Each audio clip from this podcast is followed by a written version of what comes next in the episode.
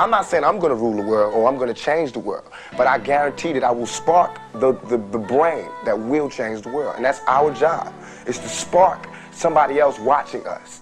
Jij bent op de wereld gezet met oneindig veel potentie. En alles wat je nodig hebt zit al in je. Het enige wat je hoeft te doen, is naar durven kijken. Dit is de Held en de Spiegel podcast. Let's go! Held, heldin, welkom. Ik ben jullie host, Mike. En ik hoop dat alles goed met je gaat. Het is maandag, 15 juni. En dat betekent een nieuwe week, een frisse start. Waarschijnlijk heb je dromen, heb je doelen. Maar hoe ga je nou om met de meningen vanuit je omgeving en dan voornamelijk je familie? Over je plannen, over de weg die je bewandelt, over de persoon die je aan het worden bent. Sterker nog, wat doe je als je jou labelen op een manier waarbij ze zeggen je bent een, eh, een egoïst? Als ik kijk naar mijn opvoeding, dan ben ik heel netjes en keurig opgevoed. Echt een brave jongen. Respect voor mensen, opstaan in de bus. En doe goed voor, eh, voor je medemens vanuit een, eh, een warm hart. Ik ben ook heel beschermend opgevoed. Ik weet nog dat ik aan het voetballen was met, eh, met vriendjes. En ja, dat was echt het meest fantastische wat ik op een dag kon, kon doen. In de buitenlucht, de zon scheen. En lekker in beweging, lekker sporten. Voetbal. En dan voornamelijk kijken hoe ik kon winnen. Dat vond ik belangrijker. Een team van maken en dan echt uh, gewoon fun hebben met, met je vrienden. Maar mijn vader die kwam altijd langs met, uh, met de honden die hij uit ging laten. Op een bepaald tijdstip. En ik weet nog de eerste keer dat hij teleurgesteld was dat ik niet met hem mee was gegaan. Terwijl ik, ik wilde voetballen. Voetballen met vrienden, maar hij was teleurgesteld. En omdat ik van hem hou, dacht ik van, nou oké, ik wil hem niet teleurstellen. Dus wat ga ik volgende keer doen? Ik stop met voetballen op het moment dat hij langskomt en dan ga ik samen met hem lopen. Dus dat is ook wat ik deed. Ik conformeerde me eigenlijk aan zijn behoeftes. Omdat ik bang was dat ik, als ik dat niet zou doen, dat ik, dat ik hem dan zou teleurstellen. Dus ik ben ja, best wel beschermend ben ik, uh, ben ik opgevoed. En ook altijd kijken naar van wat zijn de behoeften van, uh, van een ander. Maar die bescherming heeft er niet voor gezorgd dat ik op 13-jarige leeftijd niet in elkaar werd geslagen. Niet werd gepest, niet werd buitengesloten. En ik kwam op diezelfde leeftijd kwam ik, uh, in aanraking met, met Tupac. Zijn muziek veranderde mijn leven. Doordat ik dacht van oké, fuck the world. En ik geef gereed wat andere mensen denken. Dat is de boodschap die ik eruit haalde, terwijl Tupac veel meer uh, vertelde. Alleen, ik creëerde mijn eigen identiteit. En dat was er eentje van, ja, ik geef niet uh, wat, uh, wat je zegt tegen me. Ik doe, doe gewoon wat ik, waar ik zelf zin in heb. Dus ik ga van het ene uiterste, waarbij ik mensen please, voornamelijk mijn ouders, nou opeens van, I don't give a fuck. En toen ik een jaar of 19 uh, werd, toen ging ik naar werk, 20. En ik kan me nog goed herinneren dat ik me weer ging conformeren aan de groep. Ik ging dingen verstoppen die mensen niet mochten weten over, over mij. Omdat ik wilde geaccepteerd worden door, door de, de menigte. Want ik was eigenlijk, die van binnen was ik weer angstig om terug te gaan naar die 12-jarige jongen die werd buitengesloten, die werd gepest, die in elkaar werd, werd geslagen. En ik wilde dat niet laten gebeuren. Dus ik ging people pleasen. Ik ging kijken van wat hebben mensen nodig. En ja, hoe kan ik mezelf zo vormen dat ik altijd de goede jongen uh, word gezien. Als een aardige gast. Ik werd letterlijk werd ik een wandelende verzameling van meningen die andere mensen mij hadden gegeven. En wanneer je een verzameling bent van meningen van anderen, wat gebeurt er dan? Dat vormt je identiteit. En dat kan zowel positief als negatief zijn. Als je gaat kijken naar vroeger had je dat programma Idols. Dan gingen mensen gingen op auditie die niet konden zingen. Maar ze werden gesteund door hun vader en moeder, door hun vrienden.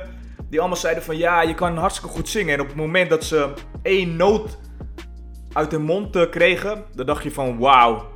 Heeft niemand je dan echt de waarheid durven te vertellen? Maar het heeft ook een keerzijde. Namelijk dat mensen ook een bepaalde angst hebben bij de kracht die jij hebt, of de talenten die je hebt, of de persoon die je bent. Dat ze zien in jou dat jij bepaalde dingen zou kunnen doen in, uh, in je leven. Je dromen kan waarmaken of iets anders waarbij mensen angstig zijn en denken van oh, nee, ik, uh, ik geef maar mijn mening en ik zorg ervoor dat hij dan in ieder geval een stukje gas teruggeeft. Want ik voel me niet comfortabel bij, uh, bij hem of haar in, uh, in de buurt. Wat ik dus leer, dat angsten van mensen die zijn gebaseerd op de angsten van andere mensen. En heel veel mensen navigeren door het leven niet vanuit hun eigen waarde, maar eigenlijk wat andere mensen over hun zeggen of over hun denken. En dat oordeel, dat oordeel wat andere mensen over je hebben, dat dicteert je gedrag. Want in jouw hoofd zeg je van, oh, ik ben een goed mens, ik ben een goed persoon. Je hebt een ideaal beeld heb je geschetst omtrent jezelf.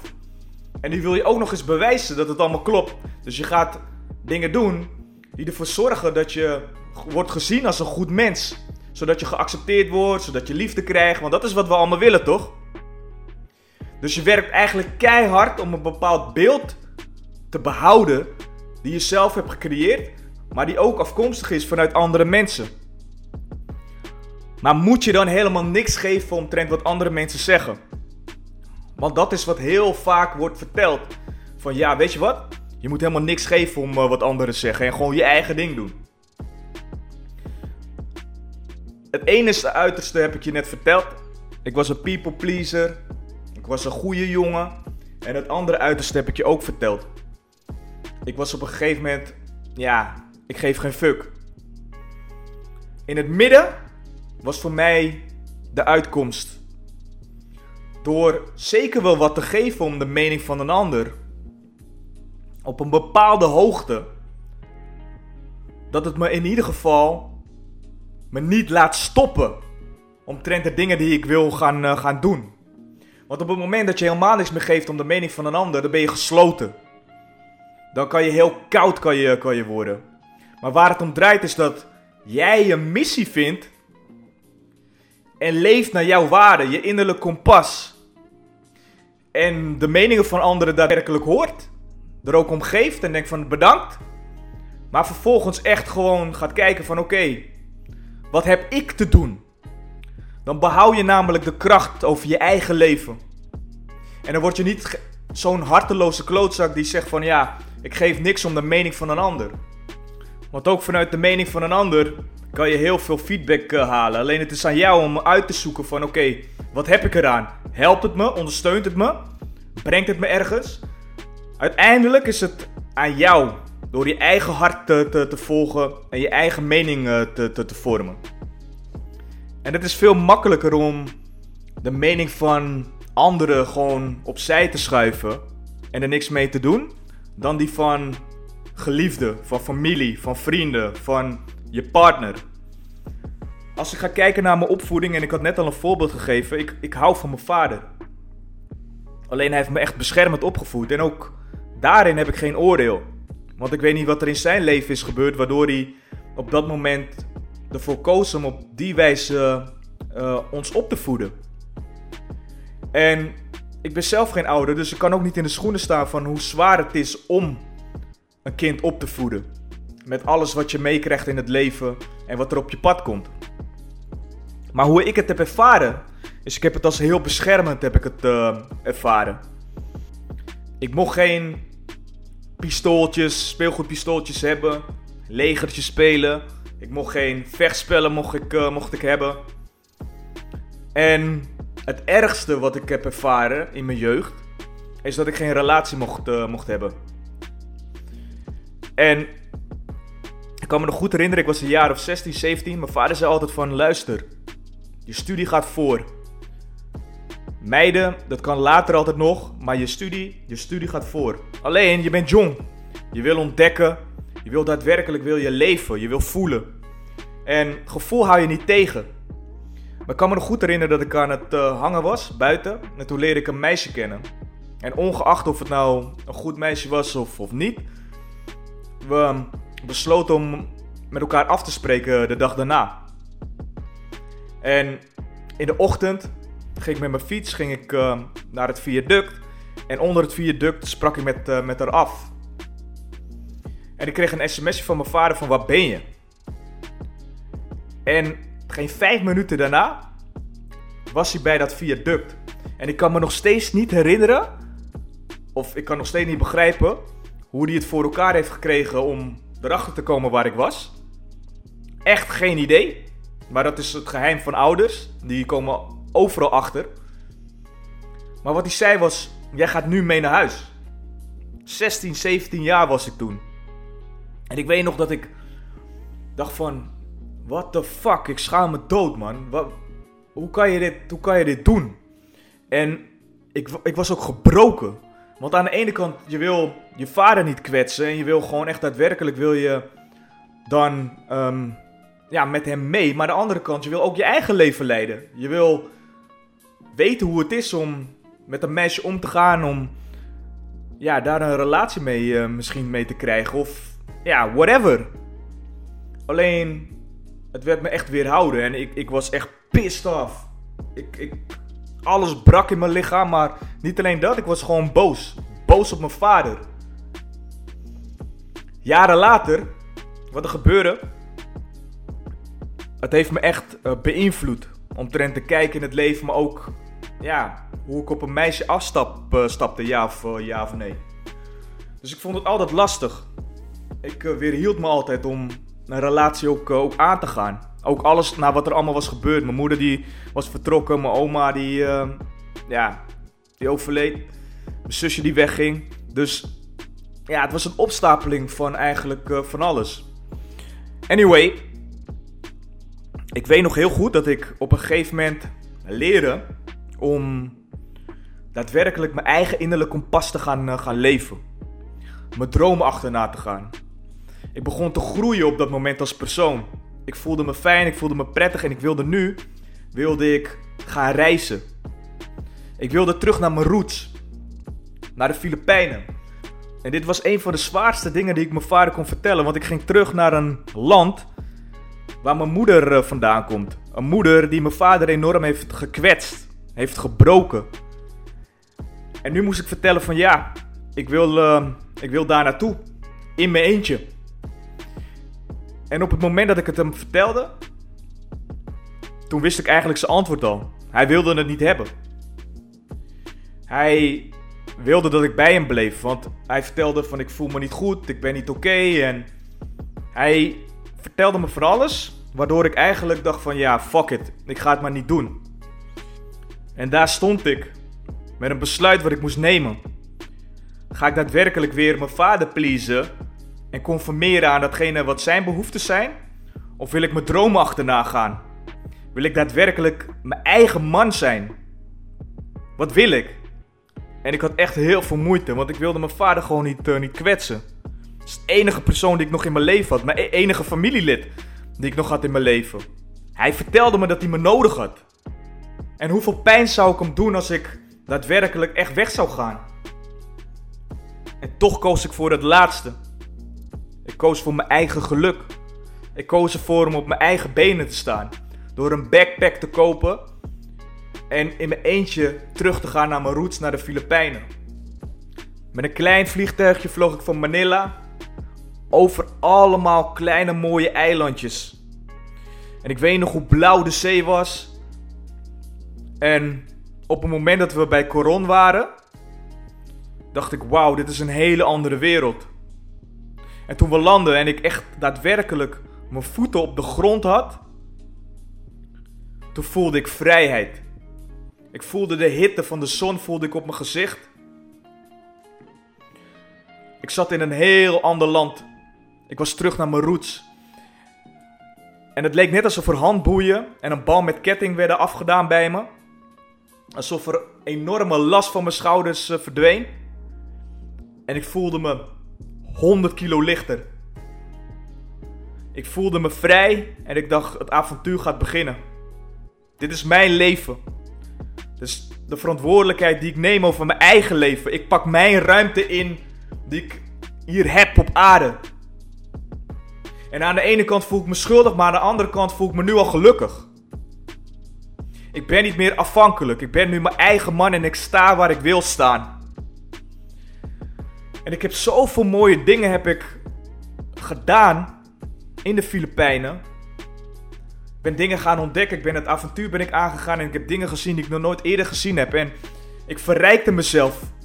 En ik begon daarmee ook weer mijn eigen groei te pakken, mijn eigen ontwikkeling. Ik heb de mooiste eilanden gezien. Ik heb nieuwe mensen ontmoet. Ik heb dingen gedaan uit mijn comfortzone.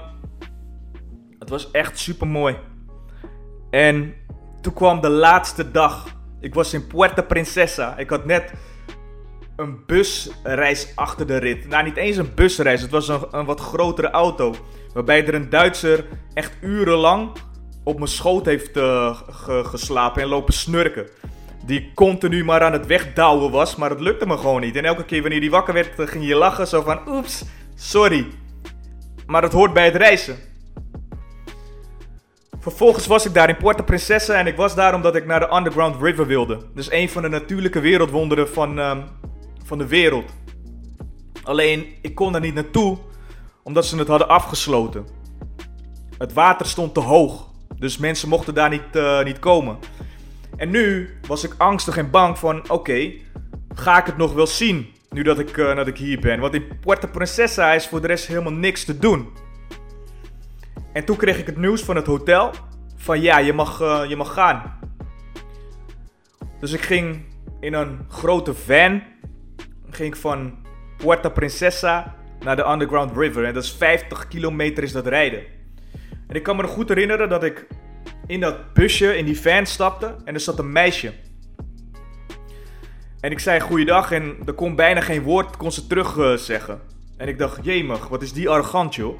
En ik wilde nog een gesprek aangaan, maar zij blijkbaar niet.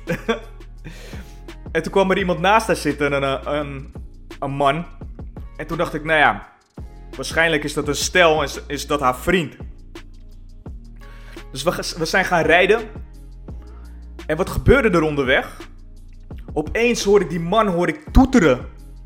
De, de chauffeur. Keihard. En vervolgens een klap. Hij reed een hond aan. Een hond die bleef daar dus midden op de weg uh, staan. En vervolgens zat hij uh, op het raam van, uh, van de auto. En iedereen was in shock. Echt van, wat de fuck is er nou net gebeurd, joh? Heeft hij nou daadwerkelijk echt een hond aangereden? Maar hij reed zo hard, op het moment dat hij zou remmen, zouden we een ongeluk krijgen. Dus hij koos ervoor om die hond aan te rijden midden op de weg. En ik weet nog dat echt, ik heb dat nog nooit had ik dat meegemaakt. Ik, ik zelf werd misselijk.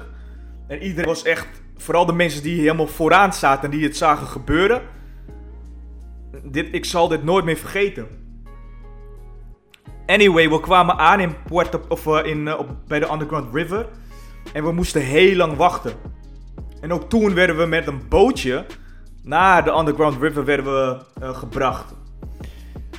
En vervolgens begon ik een heel gesprek uh, te krijgen met, uh, met dat meisje. En ik weet nog dat we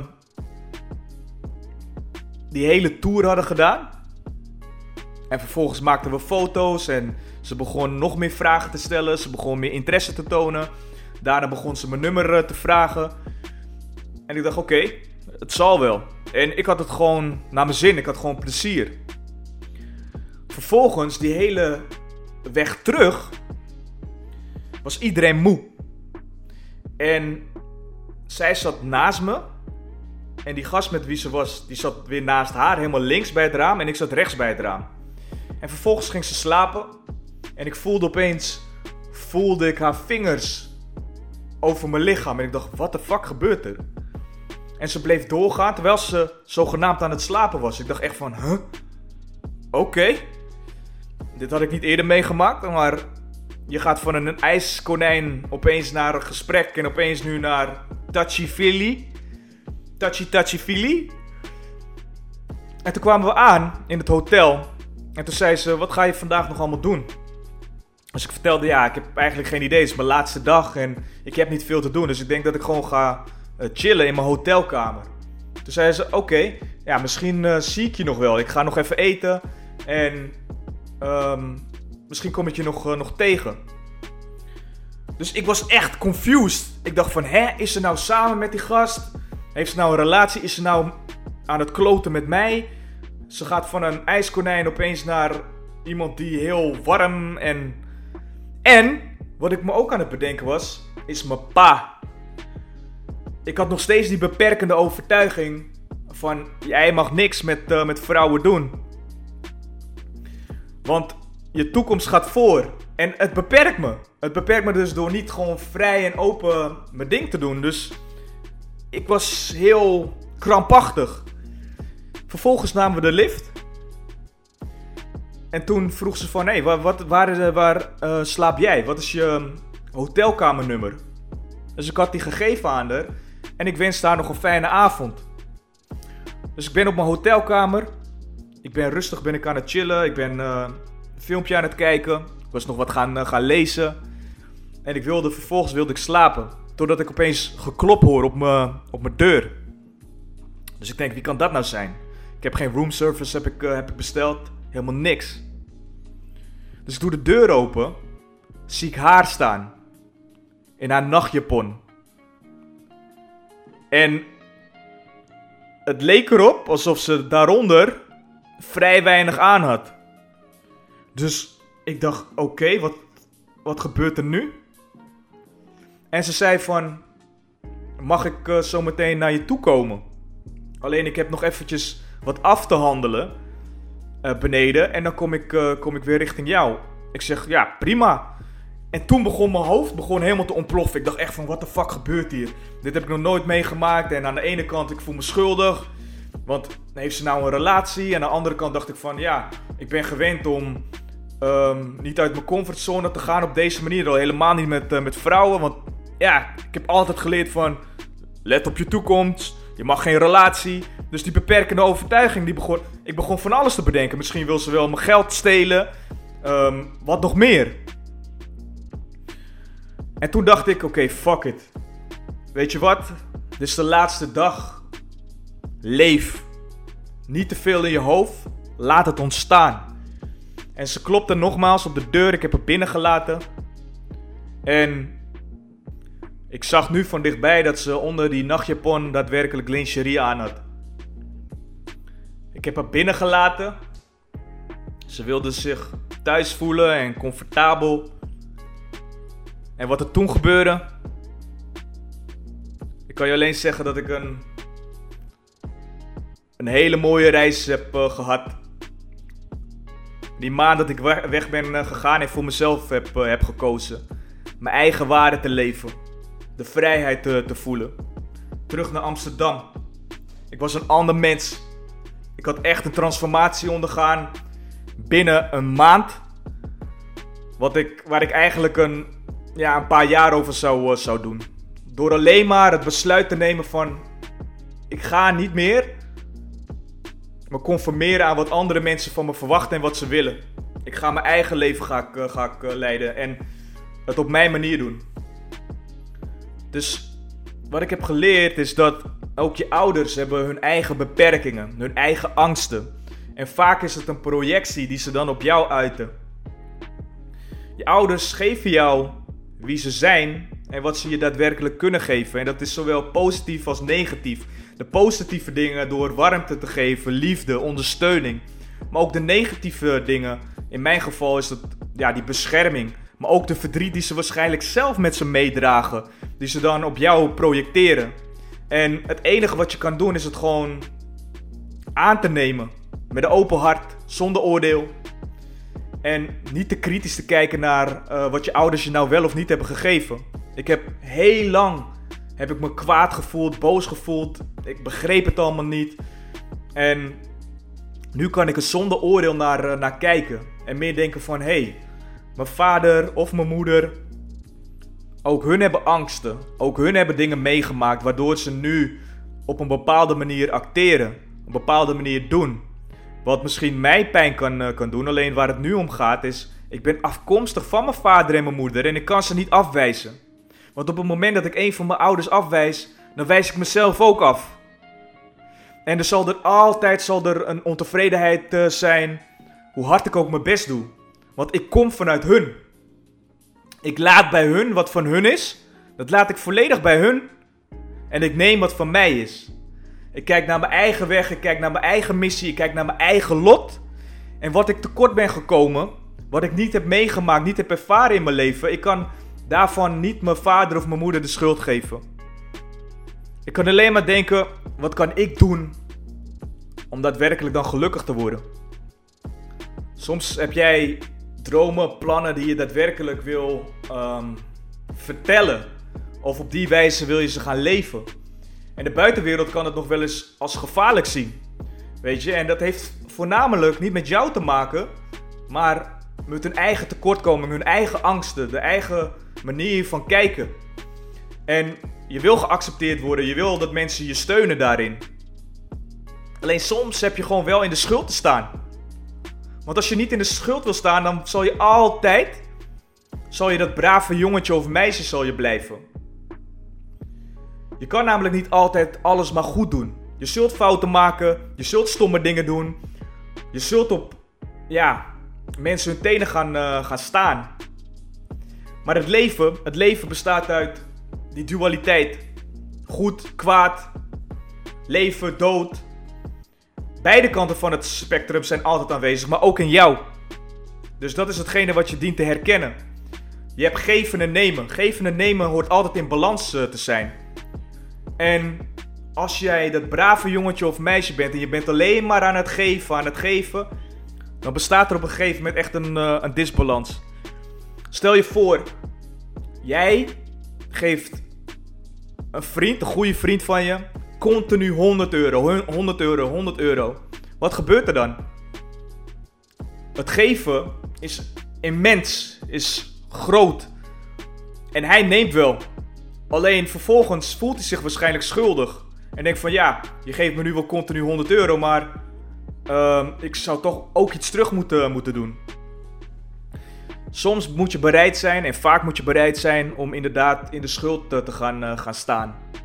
Om op die wijze de verantwoordelijkheid te nemen over je eigen leven en je ruimte te, te pakken. Leef je eigen leven. Vorm je eigen mening. Ontdek. En blijf groeien.